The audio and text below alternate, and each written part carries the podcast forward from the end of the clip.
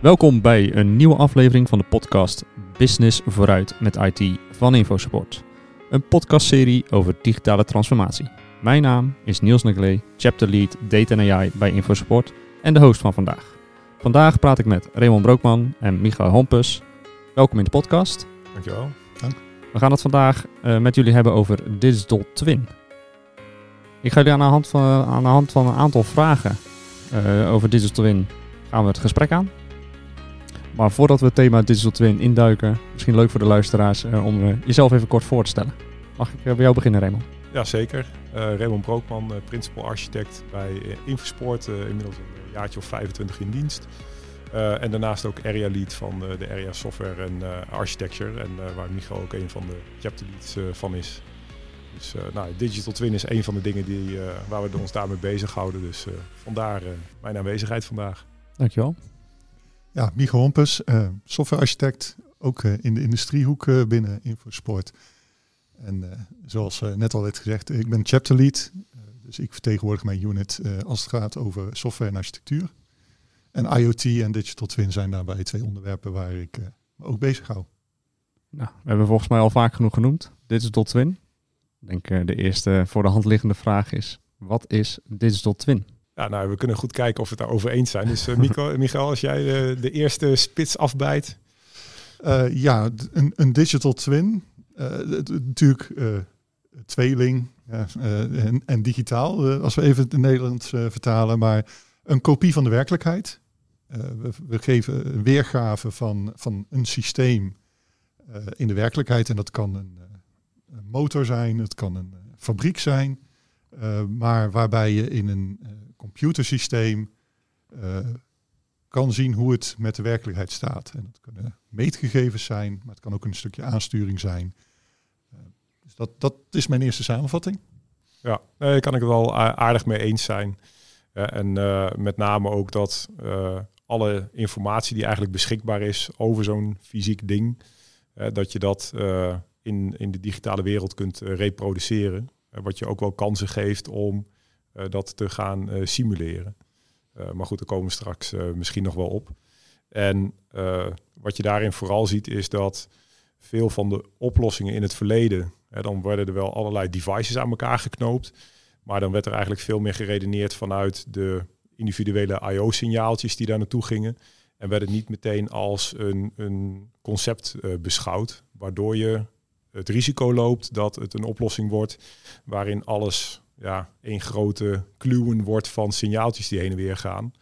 En uh, ja, hoe complexer de wereld wordt, hoe lastiger het ook wordt om dat te onderhouden natuurlijk. Ja, en, en, wat bedoel je dan precies met zo'n brei van ja, signalen die uitgewisseld worden? Als we dat vertalen naar het concept?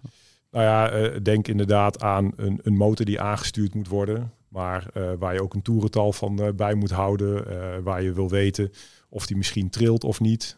überhaupt of die aan of uit staat. En zo kun je eigenlijk een heel scala aan signalen uit één zo'n device krijgen. En ja, al die dingen, daar moet je wat van weten om het te kunnen regelen. Want heel vaak heeft het natuurlijk ook met regelsystemen te maken. Bijvoorbeeld dat je het toerental van zo'n motor constant wil houden of dat je een constant vermogen wil. En daar moet je wat voor doen. En dat gaat niet vanzelf. En van oudsher uh, waren het natuurlijk veel ook low-level apparatuur. En dan ging je met dingen als PLC's aan de slag. Gebeurt tegenwoordig ook nog steeds wel veel. maar je ziet meer en meer dat eigenlijk de IT en de OT-wereld wat dat betreft met elkaar vermengen. Uh, en dat er ook steeds meer behoefte is om allerlei bedrijfsprocessen op die operationele technologie aan te laten sluiten. En, en daar wordt het steeds nuttiger om zo'n concept als digital twin ertussen te zetten. Als brug als het ware tussen die fysieke en de digitale wereld. Dus in plaats van kijkend naar de data die uitgewisseld wordt, kijk je meer naar de entiteit of het product, de motor als voorbeeld? Ja, en, en de data, uh, daar zit natuurlijk data achter. maar uiteindelijk gaat het er wel om dat je ja, een bepaald proces uh, volgt, aanstuurt, verbetert. Je, je wil iets met die inzichten doen. Ja. En monitoring is de ene kant, maar aansturing is zeker net zo belangrijk in het hele concept. Ja, en je kan ook echt heel klein beginnen. pak even een auto als voorbeeld, hè, die heeft een motor. en daar komt een toerental uit en je geeft gas en dan reageert dat. Dat heb je interactie. Maar uh, die motor is een onderdeel van de he het hele voertuig. Mhm. Dus je kan ook het hele voertuig meten. En je kan, als die motor op een bepaalde manier belast wordt, um, ook misschien de temperatuur van de banden mee gaan nemen. Dus het begint misschien klein en met, met één systeem, maar je kan er op een gegeven moment uit gaan breiden. En uh, als de temperatuur van de banden gaat oplopen en uh, het toerental loopt op, kan je daar weer misschien een conclusie aan gaan trekken. En dat is met een fabriek en dat is met, met systemen. Je kan één dingetje meten en dat is zeg maar de, klassieke manier om, uh, om die koppeling te hebben. Maar door combinaties te gaan maken, kan je een veel integraal beeld krijgen met, met weer andere conclusies die je kan gaan, gaan maken. En dat bijvoorbeeld een heel gebouw, bijvoorbeeld de airco van een gebouw, die op een bepaalde manier gebruikt, kan dan wat zeggen over één ruimte, maar ook hoe misschien de temperatuur in een heel gebouw gefaciliteerd moet worden. En dan ga je zo steeds uitbreiden tot misschien wel een hele campus. Ja, maar als ik dan uh, een vraag daaraan gerelateerd wat is digital twin, maar eigenlijk is elk IT-systeem dan niet een digital twin? Want we proberen daar ook al vaak de IT-systemen visueel te maken, de data bij elkaar te brengen. Ja, nou voor mij zit daar het grote verschil zeg maar tussen uh, virtuele en fysieke processen. Hm. dus we bouwden altijd al IT-systemen. Uh, en dan hebben we het over uh, verzekeringspolissen of zorg die geleverd moet worden. maar een hele hoop daarvan is gewoon virtueel. Um, en waar het op een gegeven moment spannend wordt, is als er ook allerlei fysieke processen bij komen kijken. Hè, en dat routes gepland moeten worden en dat apparaten ook daadwerkelijk routes moeten gaan volgen, bijvoorbeeld. of nou, het voorbeeld van net van die motoren aansturen. En je ziet eigenlijk steeds meer gebeuren dat er dus vermenging komt van de bedrijfsprocessen waar ook die fysieke componenten een, rol in hebben. Dus voor mij is het wel echt dat een digital twin pas een digital twin is als er ook ergens een fysieke component uh, in zit. En uh, anders is het gewoon een IT-systeem, want daar zit ook een model in. Ehm, maar wat, wat de wereld ook lastig maakt als het over fysieke apparatuur gaat, is dat je zo'n systeem ook wil kunnen testen op een bepaalde manier. Mm -hmm. En met name als je het gaat hebben over testen, dan heb je dus ergens ook iets nodig uh, om de wereld te kunnen simuleren. En als je toch al iets nodig hebt om de wereld te kunnen simuleren, hè, waarom zou je het dan niet zodanig opzetten dat je in plaats van een simulatie ook de echte wereld zeg maar daarin kunt stoppen en dat je hele systeem wat er omheen zit op dezelfde manier blijft werken. Hebben we het dan, hebben we het dan daarbij over een uh, 3D-visualisatie? Uh, moet ik me zoiets bij voorstellen? Uh, een 3D-visualisatie zou een middel kunnen zijn om inzichten te hebben. Maar een, een digital twin wat dat betreft kan ook nog steeds uh, een plat scherm, uh, om het maar zo te noemen, uh, zijn. het gaat uiteindelijk om dat het fysieke wereld wordt gerepresenteerd. En dat kan zijn door gewoon getallen op het scherm. maar dat, en, en, het zou inderdaad heel fancy kunnen met een 3D-model. maar dat is gewoon maar een middel om een digital twin te tonen. Ja. ja, dan vooral voor helpt is als je kijkt naar de hele ontwikkelcyclus van uh, apparaten die aangestuurd uh, moeten kunnen worden. Uh, dan zie je dat die, die testfase lastig is en dat ze vaak ook onderdeel moeten worden van een groter systeem. En in de traditionele ontwikkelcyclus was het zo van we maken een apparaat, daar komt aansturing bij en als dat allemaal klaar is, dan kunnen we meer high-level software bouwen die daarmee gaat samenwerken. Maar dan heb je een heel gefaseerd verhaal en heb je dus ook best lange ontwikkeltijden. Terwijl als je dat kunt virtualiseren uh, en met een digital twin gaat werken en dus ook die simulatie-invulling kunt kiezen, dan kun je in één keer je proces al gaan testen met die digital twin. En parallel loopt eigenlijk de fysieke ontwikkeling en komt er uiteindelijk een apparaat uit wat ook daadwerkelijk gaat doen wat die digital twin heeft. En da daar zitten natuurlijk wel allerlei mooie raakvlakken en overlappen. Want heel vaak is het zo dat er al allerlei mooie 3D-tekeningen zijn vanuit CAD-pakketten. En dan is het natuurlijk wel heel erg fancy als je dat uh, ook zo kunt laten zien.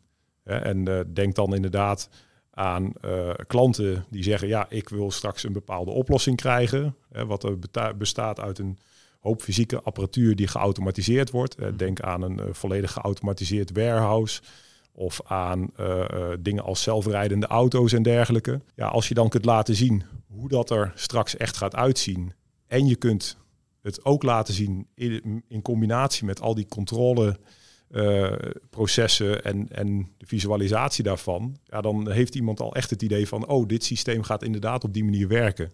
En kun je dus uh, al veel vertrouwen krijgen nog voordat er überhaupt maar uh, één stukje staal gelast is, zal ik maar zeggen. Ja. een simulatie heeft ook een voordeel dat uh, je eventueel de simulatie ook op een hogere snelheid kan laten draaien. Dus je, ja, je kan iets op tien keer snelheid draaien, waardoor je, je niet tien keer zo lang hoeft te wachten om een simulatie af te ronden. Dus daar kan je wel echt het voordeel van software gebruiken, waarbij je toch dan alvast kan kijken hoe de werkelijkheid zou moeten reageren.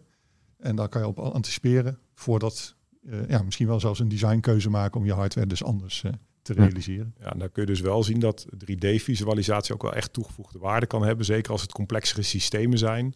Omdat je dan echt ziet hoe al die onderdeeltjes gaan samenwerken. Uh, en je kunt natuurlijk ook dat gewoon als getalletjes op een scherm tonen. Maar dan kun je er nog als persoon geen beeld bij hebben van werkt het nou eigenlijk ook zoals we dat verwachten. Ja. En met zo'n 3D-visualisatie gaat helpen. Maar wat Michael al zei, het is zeker geen randvoorwaarden of uh, dat dat het ding is wat het dan digital twin maakt. Nee, het is een, het is een onderdeel van, maar het is niet uh, per se de onderscheidende factor als ik het nee. uh, zo mag samenvatten.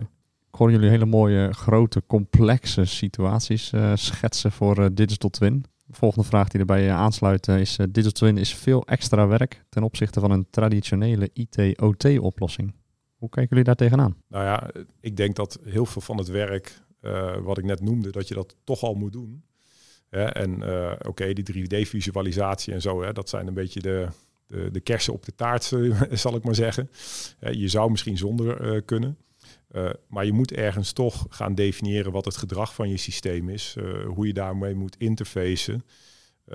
alleen het, het punt is meer van op welk moment in de tijd ga je dat doen? Hè? En, en wil je juist die tijd niet gaan verkorten, doordat je dingen parallel kunt gaan doen. Eh, en als je de interfaces maar afgesproken hebt, dan kan de fysieke pad en het virtuele pad, eh, die kunnen eh, parallel gaan plaatsvinden. En dat is ook een ding wat je tegenwoordig ziet, dat er veel meer tussentijdse aanpassingen zijn aan de eisen. en waar je dan in het verleden een probleem had van, ja, we hebben nu net de hardware allemaal gemaakt. en bij de softwarekant van het verhaal kom je erachter dat er eigenlijk nog iets miste. Ja, ben je te laat. Nu kun je tussentijds nog bijsturen omdat je die dingen parallel aan het doen bent. Dus aan de ene kant komen er misschien wel een aantal extra activiteiten. Maar ik denk dat je juist in de doorlooptijd uh, hier veel meer mee gaat, uh, gaat winnen. Uh, zeker omdat ook qua testmogelijkheden en die simulatie, dat is daar wel een sleutel om te zorgen dat je, ja, dat je die snelheidswind ook echt haalt. Dus ja, een beetje van beide denk ik. Maar inderdaad, vooral je proces kan je daardoor veel beter inrichten. En inderdaad die feedback loop creëren. Uh, en dus niet uh, ja, moeten wachten tot uh, een beetje klassiek waterval.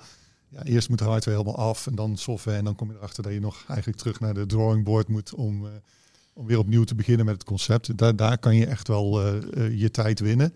Ja, en, en natuurlijk sowieso als je dingen parallel gaat doen, levert dat ook complexiteit met zich mee. Maar je kan echt een hele hoop winnen.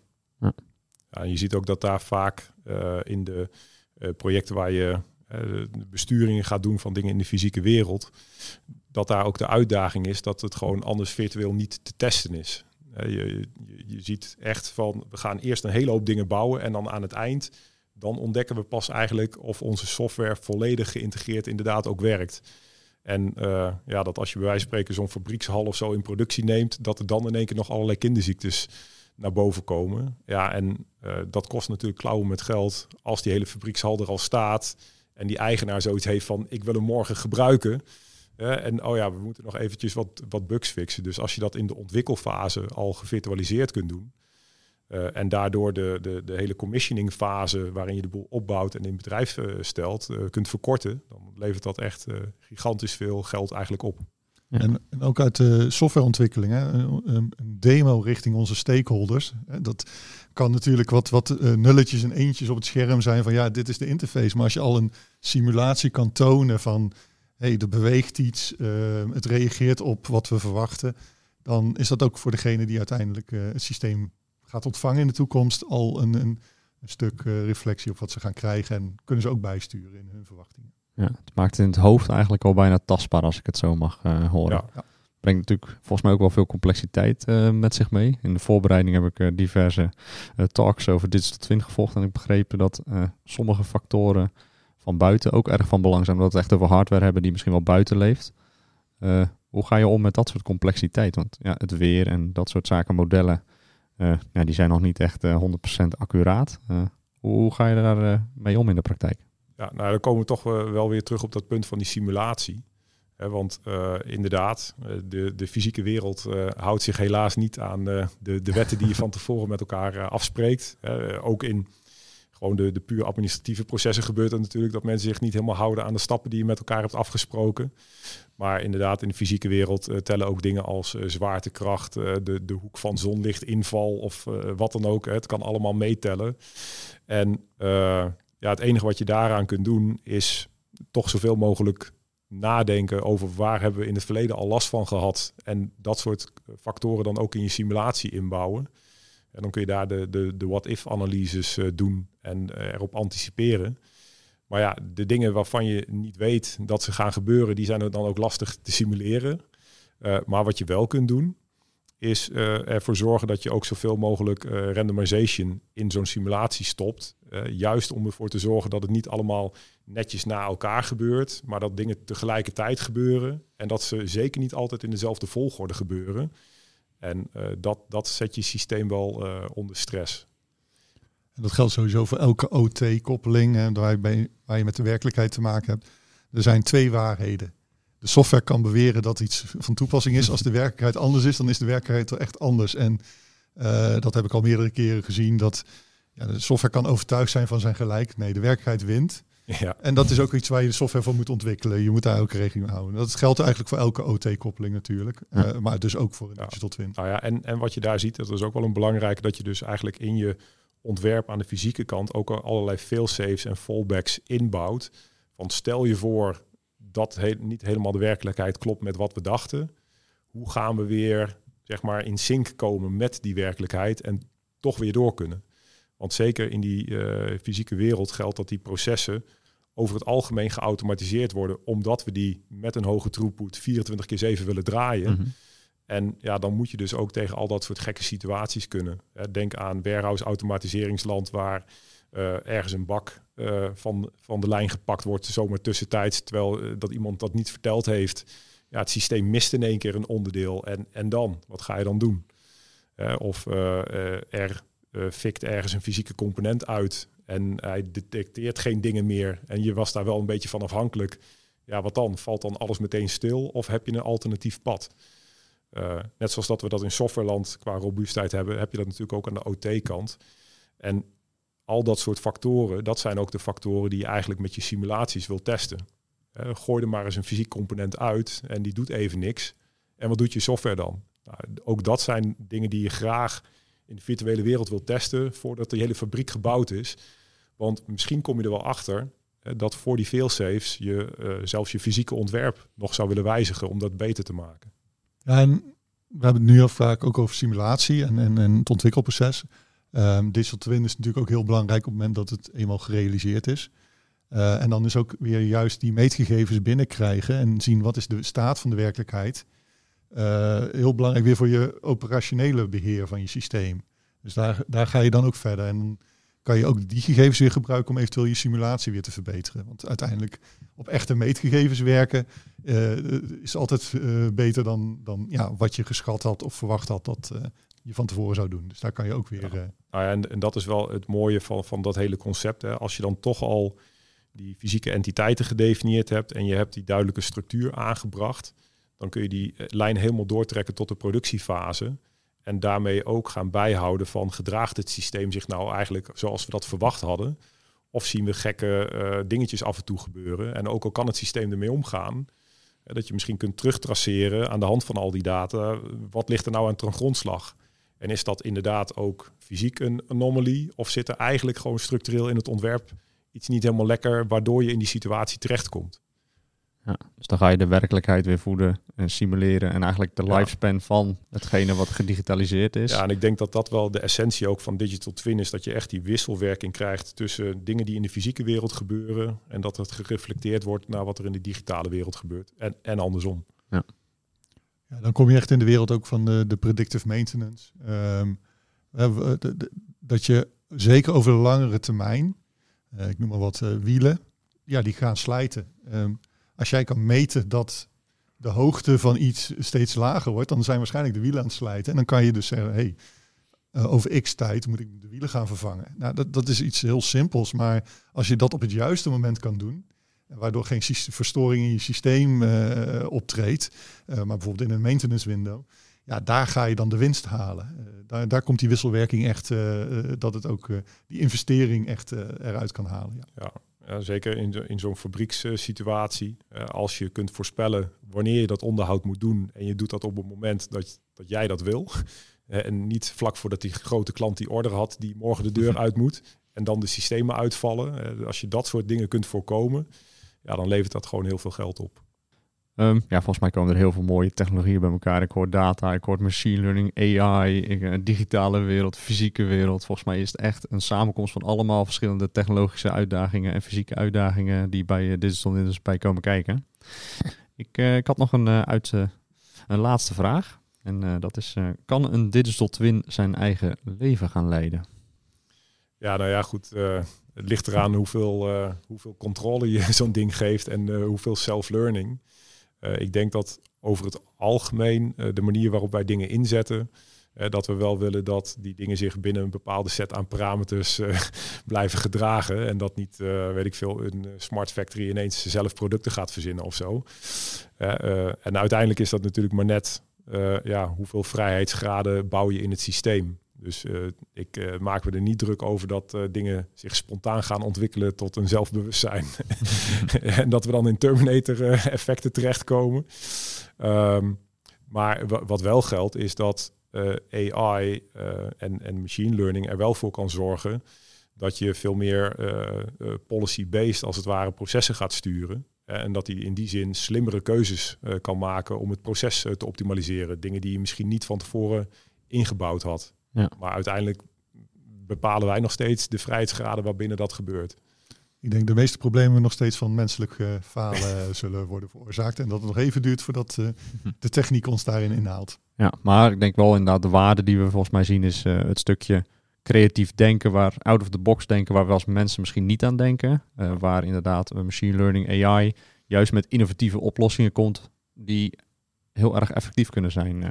En dat, daar heb je natuurlijk ook weer die feedback loop. En voor, voor machine learning is, is de input natuurlijk uh, essentieel. En op het moment dat je een, een digital twin hebt die heel veel data genereert, dan is dat ook hele mooie brondata om inderdaad je modellen op te gaan, uh, gaan trainen en doorontwikkelen. En daar zit je al meteen veel sneller dat je daar winst uit kan halen dan.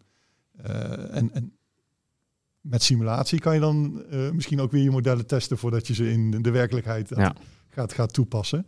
Uh, en dan heb je die, die feedback loop uh, gecreëerd. Ja, wat, dat betreft eh, denk ik hè, wat een belangrijke factor is dat juist Digital Twin ons ook de manier geeft om het hele systeem in al die deelsysteempjes op te delen. zodat de fysieke concepten ook digitaal uh, weer terugherkend kunnen worden. En wat jij ook al eerder zei, Michael, dat je dat ook uh, zeg maar als een blokkendoos kunt opbouwen. Want uh, een gemiddeld fysiek apparaat bestaat uit allerlei onderdelen. En ja, als je van al die onderdelen ook een digital twin hebt, dan betekent het dus dat je niet alleen fysiek een product aan het bouwen bent, maar dat je ook de software van het product op die manier echt als een blokkendoos kunt opbouwen. Dat heeft natuurlijk ook veel relaties met domain-driven design. Um, en op die manier uh, denken we ook dat het veel uh, beter het onderhoud in te regelen is van dat complexere systeem, omdat je hem in deelsystemen kunt opdelen. We hebben dat ook uh, vormgegeven in onze IoT-referentiearchitectuur. Uh, waar eigenlijk al die onderdelen benoemd zijn en waar we ook gepositioneerd hebben welke onderdelen er nou eigenlijk in zo'n uh, digital twin zitten. Ja, is goed voor de luisteraars uh, als we die ook gelijk even meesturen bij deze podcast. Als ze het linkje krijgen van ja. referentiearchitectuur om daar nog eens even rustig in nee, terug precies, te kijken. Dan kun je alles nog eens even rustig nalezen. Ja. Ehm, dan wil ik jullie danken voor jullie inzichten en visie op het vraagstuk wat is digital twin. Um, aan de luisteraars, iedereen bedankt voor het luisteren. En wil je geen aflevering missen, abonneer je op deze podcast via je favoriete podcastkanaal. En tot de volgende keer.